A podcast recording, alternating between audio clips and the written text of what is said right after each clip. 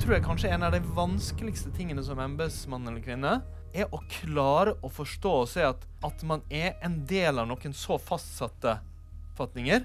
At når, det, når de utfordres, hva er da bare at, at du, det her kan du ikke fatte og forstå, nå brytes, bryter alt sammen. Og hva er at ja, det, det, vi trengte kanskje at noen røska opp i det her, og ja, nå må vi sette i gang. Og hvordan kan vi gjøre det, hvis det nå en gang skal gjøres?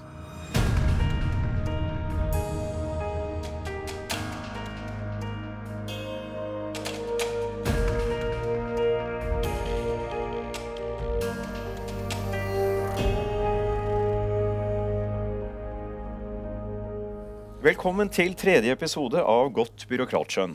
Podkasten som over seks episoder tar for seg de syv embetspliktene. I dag er turen kommet til forholdet mellom lojalitetsplikten på den ene siden og plikten til faglighet og faglig uavhengighet på den andre. Mitt navn er Fridtjof Sørgaard.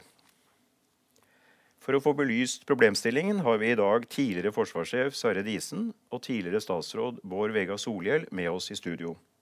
De skal få presentere seg selv. Sverre Disen, du er i dag ansatt som sjefsforsker ved Forsvarets forskningsinstitutt. Men det er som militær offiser du er aller mest kjent. Ja, det er riktig. Jeg var eh, militær assisterende departementsråd, som det het, i Forsvarsdepartementet fra 2003 til 2005. Og deretter forsvarssjef fra 2005 til 2009. Og Bård Vegar Solhjell, eh, vær så god. Eh, noen ord om deg, din bakgrunn. Ja, eh, jeg var politiker i eh, mange år. Eh, representerte SV. Eh, satt på Stortinget åtte år i forsvars- og utenrikskomiteen, kontroll og konstitusjon òg. Og så var jeg statssekretær på statsministerens kontor fra 2005 til 2007. Kanskje to mest lærerike åra i mitt liv. Og så var jeg statsråd i Kunnskapsdepartementet og i det som da heter Miljøverndepartementet, nå Klima- og miljødepartementet. Eh, og nå er jeg eh, direktør i Norad, altså Direktoratet for, eh, for utviklingssamarbeid. Lojalitetsplikten ble, som vi husker, presentert i første episode. Når det gjelder faglighet og faglig uavhengighet, heter det i retningslinjene at embetsverket skal legge til grunn faglige standarder og kriterier, metoder og kunnskap innenfor de ulike fag som er relevante for ulike saker. Embetsverket skal være åpen om eventuelle faglige uenigheter. Faglighet innebærer også å sørge for at alternative løsninger blir utredet og presentert, og at både positive og negative virkninger av tiltak blir utredet. Faglig uavhengighet betyr ifølge retningslinjene at embetsverket ikke tar partipolitiske hensyn når det innhenter fakta foretar faglige vurderinger og driver skjønnsutøvelse eller gir råd til politikere. Samtidig understrekes det tydelig at embetsverkets bistand til politisk ledelse må være politisk relevant. Embetsverket skal bistå statsråden med å få besluttet, presentert og gjennomført regjeringens politikk, herunder vise politikerne hvilket handlingsrom de har for å fatte beslutninger. Kravet til faglighet og faglig uavhengighet innebærer med andre ord samlet sett en ganske tung bør på det departementale embetsverk. Sverre, hva er din generelle erfaring når det gjelder kravene til embetsverkets lojalitet på den ene side og faglighet på den andre? Kom du selv noen ganger i krysskonflikt i din tid som forsvarssjef? Du satt jo da også spesielt nær statsråden i det som het integrert strategisk ledelse i Forsvarsdepartementet. Ja, det er riktig. Nå kan ikke jeg egentlig huske at jeg var i noen alvorlig sånn skal vi si, sjelelig konflikt i, i den forbindelse. Og jeg tror vel heller ikke at det er mulig å definere eksakt hva som er riktig balanse mellom lojalitet til politiske myndigheter og uh, faglig uavhengighet for en embetsmann. Det blir et profesjonsetisk skjønn i hvert uh, enkelt tilfelle. Eh, I tillegg til at det selvfølgelig også er et spørsmål om hva som er klokt, gitt at man altså til syvende og sist ønsker å få gjennomslag for det man anbefaler.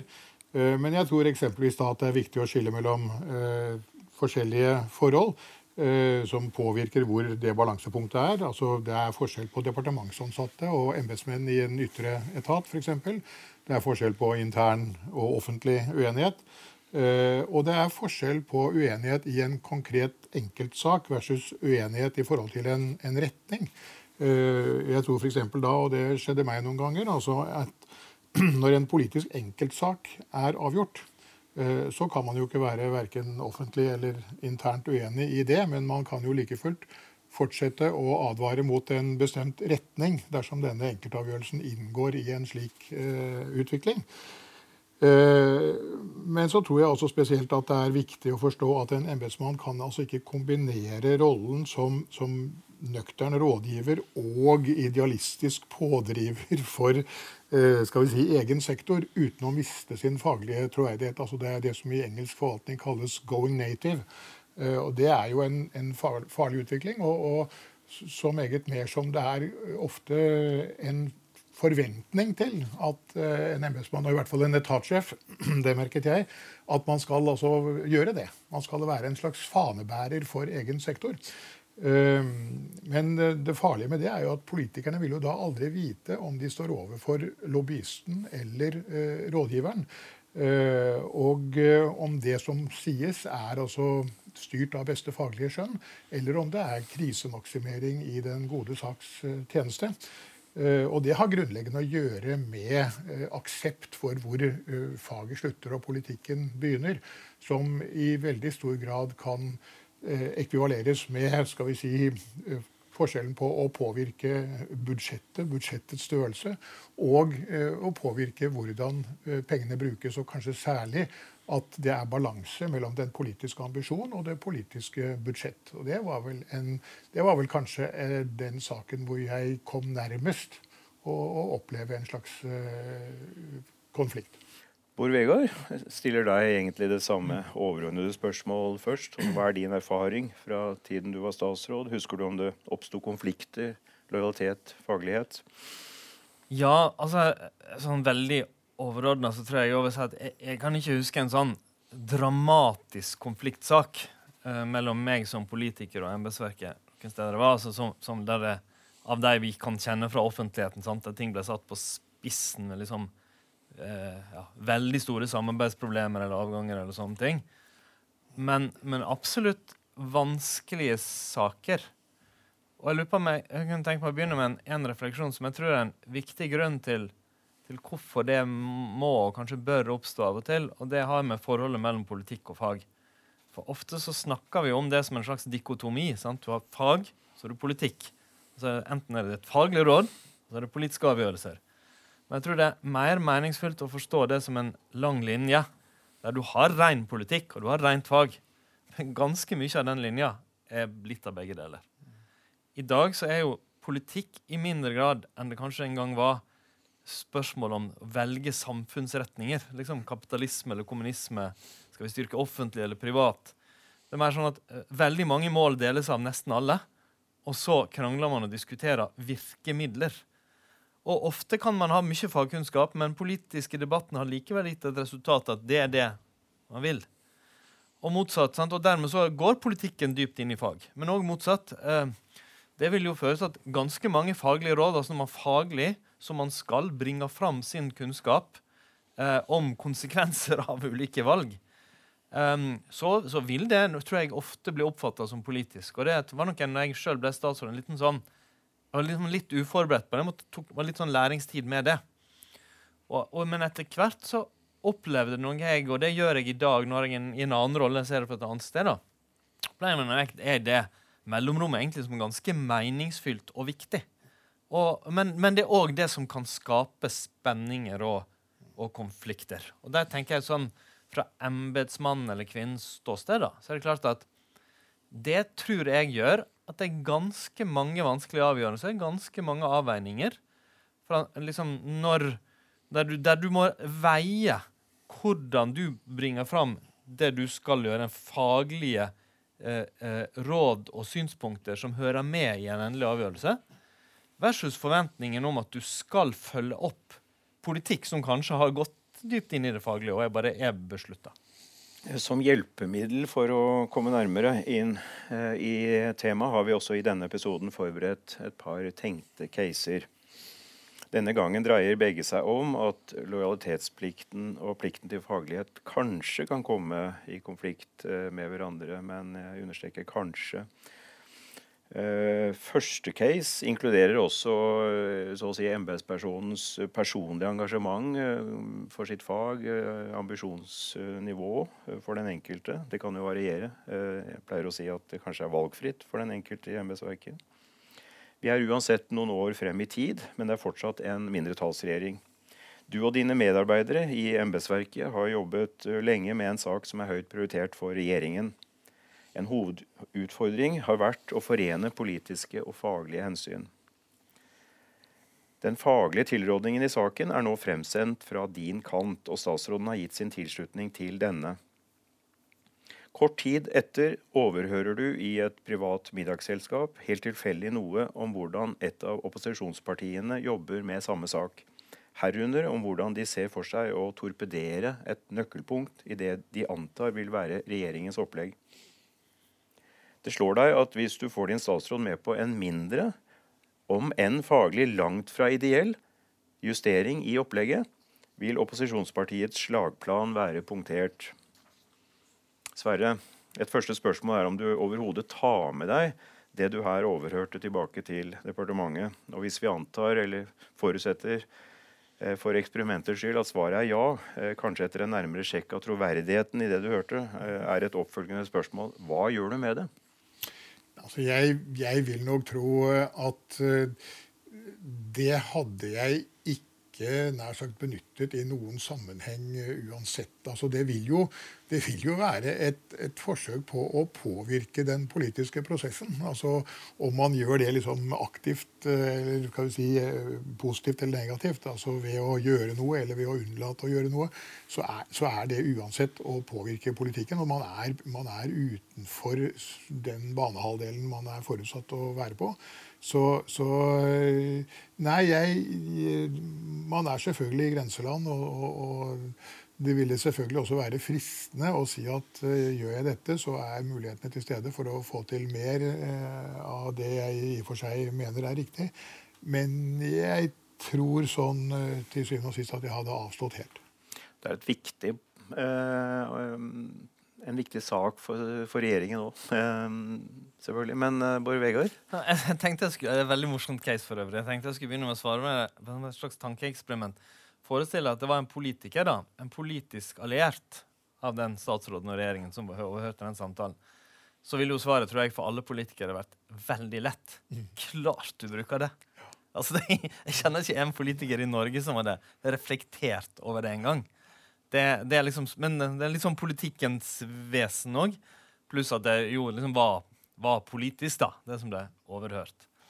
Men, men det, det, er jo ikke caset. Så la oss liksom så gå til liksom tar den andre rollen som embetsmannsrolle. Men igjen så tror jeg jeg kanskje hadde sett det litt annerledes enn Sverre der. Eh, eh, og nok eh, eh vurdert det ganske seriøst. Eh, og den første grunnen til det er at Altså, jeg tror, jeg tror altså, for det første eh, Du skal jo altså, du, Det er jo ditt oppdrag nå å få satt det her ut i livet. Når regjeringen har gitt sin tilslutning, så er jo det òg regjeringens politikk. Eh, og, de, og du, jobb, du, jobber for det, og for det satt ut i livet.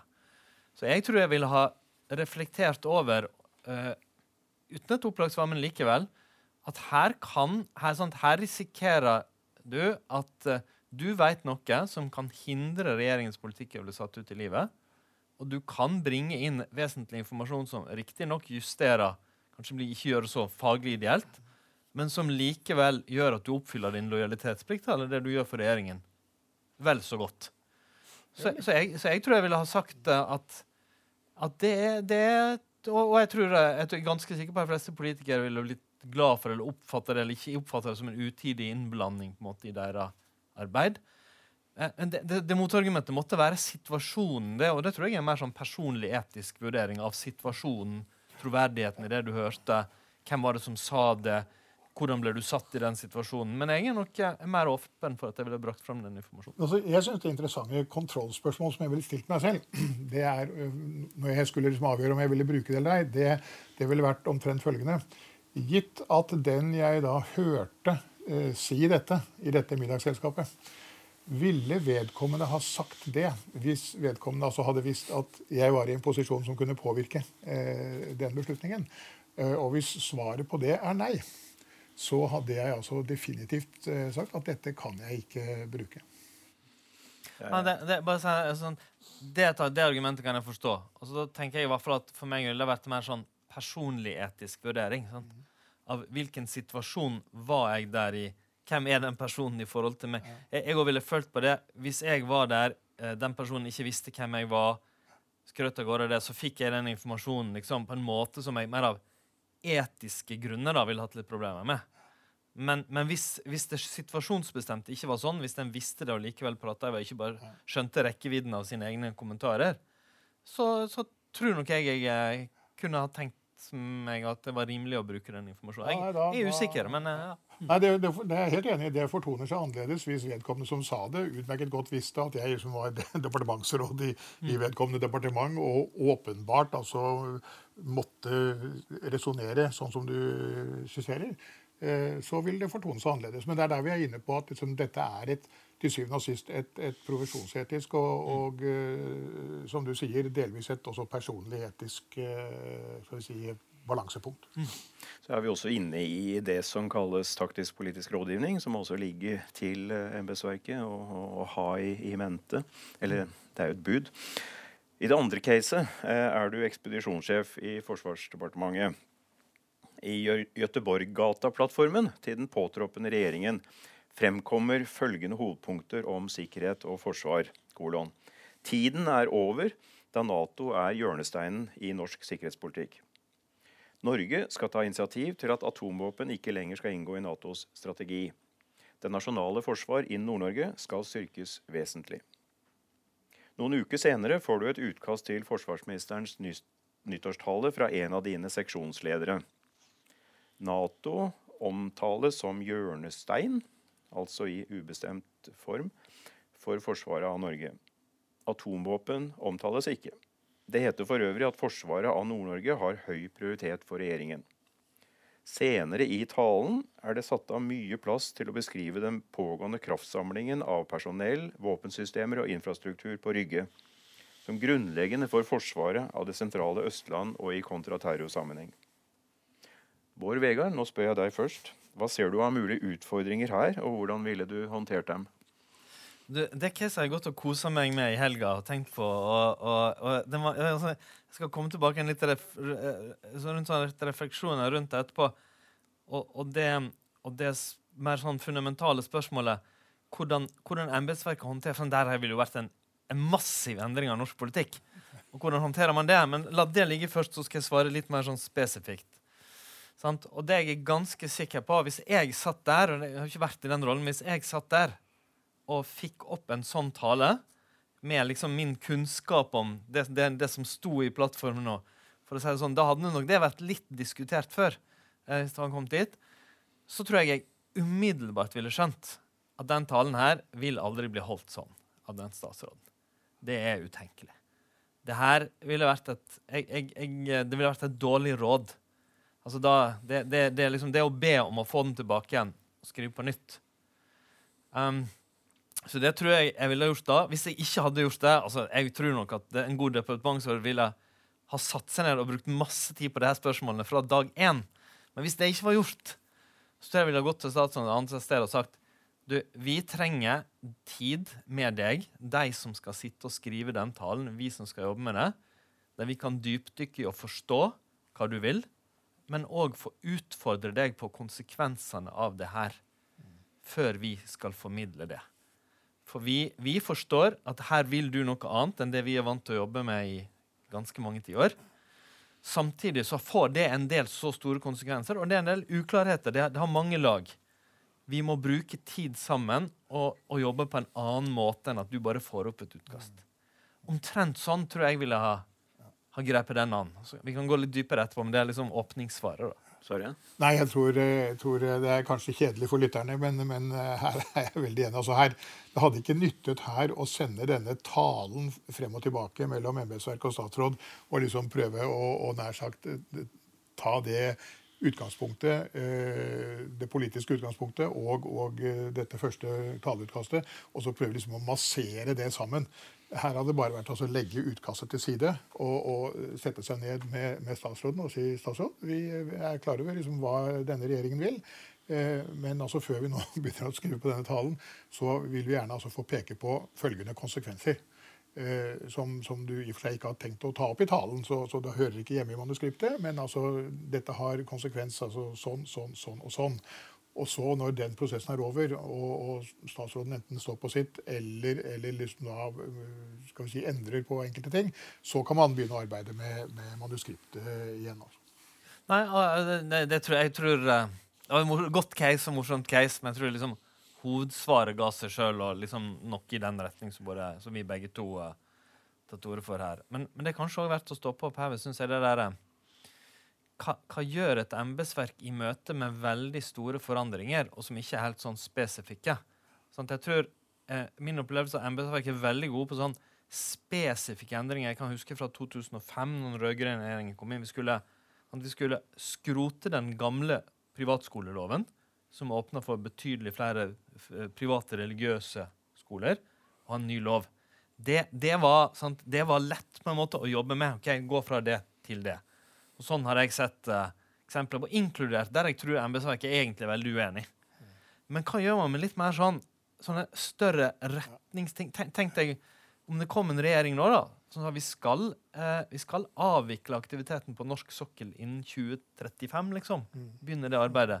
Eller det eksempelet her, eller i min bransje jeg jobber med nå, bistand skal avvikles, eller vi skal kraftig redusere bistand og bruke den der vi har interesser av det, som i våre nærområder istedenfor det, det, da tror jeg du møter noe som jeg syns jeg sjøl har opplevd som politiker, og, og, jeg ser det jo nå sjøl, som der jeg er nå òg, at, at, det finnes jo òg Kanskje ikke ideologier, men grunnleggende oppfatninger, eller paradigmer, som står veldig fast. sant? Ofte kan det være godt begrunna, men, men, likevel, da. Som, som, det ikke er så lett å se for en sjøl når man er en del av det. Og, og, men, og, det tror jeg kanskje er en av de vanskeligste tingene som embetsmann eller -kvinne. Er å klare å forstå og se at, at man er en del av noen så fastsatte fatninger. At når, det, når de utfordres, hva er da bare at, at du, det her kan du ikke fatte og forstå? Nå brytes, bryter alt sammen. Og hva er at ja, det, det, vi trengte kanskje at noen røska opp i det her. og ja, nå må vi sette i gang, og Hvordan kan vi gjøre det hvis det nå en gang skal gjøres? Og så har demokratiet kommet for å bli.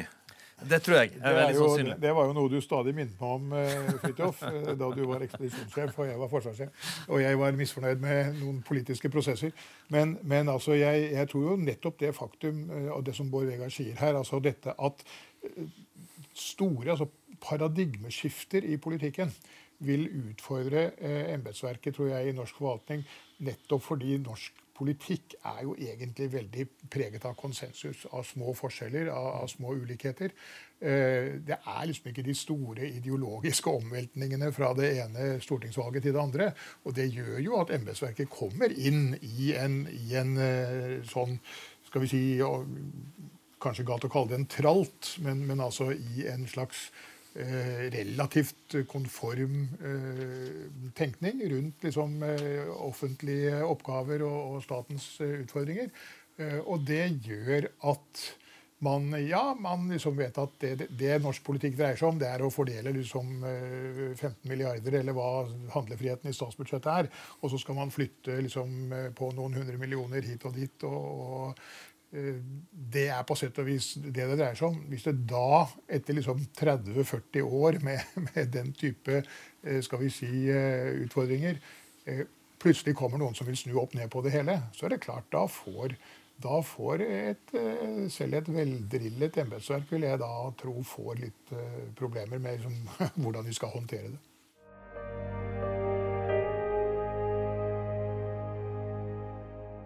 Kommunal- og distriktsdepartementets retningslinjer understrekes det at MS-verket ikke må medvirke til at politiske argumenter får et falskt faglig skjær, som det står.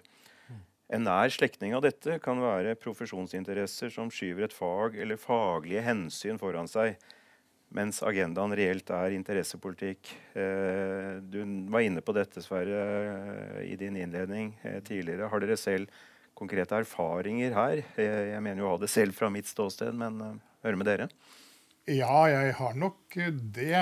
Eh, altså dette at, eh, at sektorinteresser presenteres som faglighet, det, det, tror jeg man skal være så nøktern å si at eh, det har vel iallfall de fleste eh, forsvarssjefer har erfart. Og da er vi tilbake til dette at Eh, problemet er hypotetisk, og derfor er spillerommet for faglig uenighet mye større. For det er altså så vanskelig å vite egentlig hva som er riktig eh, si, faglig kurs.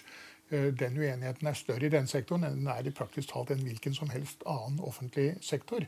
Eh, og da er det selvfølgelig også større spillerom for å presentere det som i realiteten er f.eks. For forsvarsgrenvis sektorinteresse eh, til fortrengsel for de andre forsvarsgrenene, og presentere det som et entydig faglig råd. Og så er det altså da i realiteten drevet av eh, skal vi si, vedkommende forsvarsgrens eller troppearts eller sektors meget spesifikke egeninteresse. Jeg syns du er inne på noe veldig viktig her. der der jeg tror jeg i reelle situasjoner lojalitet og faglighet kan stå litt mot hverandre. Nemlig at mange politiske vedtak kan skyldes, eller kan skyldes som Sverre sier, sektorinteresser kan, eller spesialinteresser, men det kan òg være geografiske interesser eller bare politiske ønsker i partiet. sant? Men, men da vet man at da får man kjørt seg mye mer enn hvis man kan si at det er faglig begrunna. Og jeg syns jeg har sett og vært borte i politikken mye av det, og jeg ser vel kanskje litt nå det der ønsket om å, om å finne et eller annet som ligner en, på en faglig begrunnelse. Og, og, det tror jeg mange embetsfolk blir utsatt for. En slags følelse av ok, vi må levere noe til det. Men hvor stopper plikten til det, og starter den plikten der til å si nei, det finnes ingen faglige interesser, egentlig faglige argumenter for det her, statsråd det må du begrunne med det geografiske hensynet det du vil. Eh, og så Sett fra politikerens ståsted så mener jeg òg at altså etter hvert så følte jeg sjøl at jeg klarte som politiker å vektlegge og like å få gode faglige innvendinger og synspunkter. Så lenge jeg opplevde tydelig vilje til å sette det ut i livet når avgjørelsen var tatt. Så ofte kunne jeg be om notater som, som i slutten av min tid som politiker der jeg sa okay, det er fint å få opp alle motargumentene, men skriv gjerne noe om dersom jeg likevel vil gjennomføre det. Hvordan bør vi best gjennomføre det da? Og det er liksom Den, den, den, den balansegangen, det å klare like motstand, men òg tydelig skulle, ha, eh, skulle få hjelp til å gjennomføring, det tenker jeg mange politikere kan ja, med fordel ha den balansen. Jeg tror vi kan eh, si at en del politikere også gjerne vil ha dette faglige argumentet, mm. uansett om det er reelt. Men Tusen takk til dere to. Vi er nødt til å runde av nå. Eh, Bård Vega Solhjell, eh, Sverre Disen. Det har vært eh, en stor glede å ha dere her. Dere har delt av unike erfaringer og innsikt. Veldig fint. Vi håper det har vært interessant å følge oss også for deg som lytter, og vi håper du vil være med oss også i neste episode av denne podkasten. Da vil det handle om forholdet mellom lojalitet og partipolitisk nøytralitet. Takk for i dag.